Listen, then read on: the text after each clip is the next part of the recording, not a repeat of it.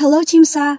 I am Jehan, Hello, my name is Putri. and I was a delegate of October Meeting 2020.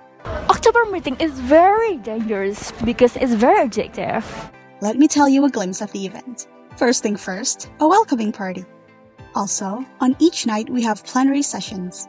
All the trainings and sessions that I got back then was nothing but fun and insightful. Also had a community development corner, which I really love because I get to know the activities from other locals, why they created it, and how's the impact of the activity.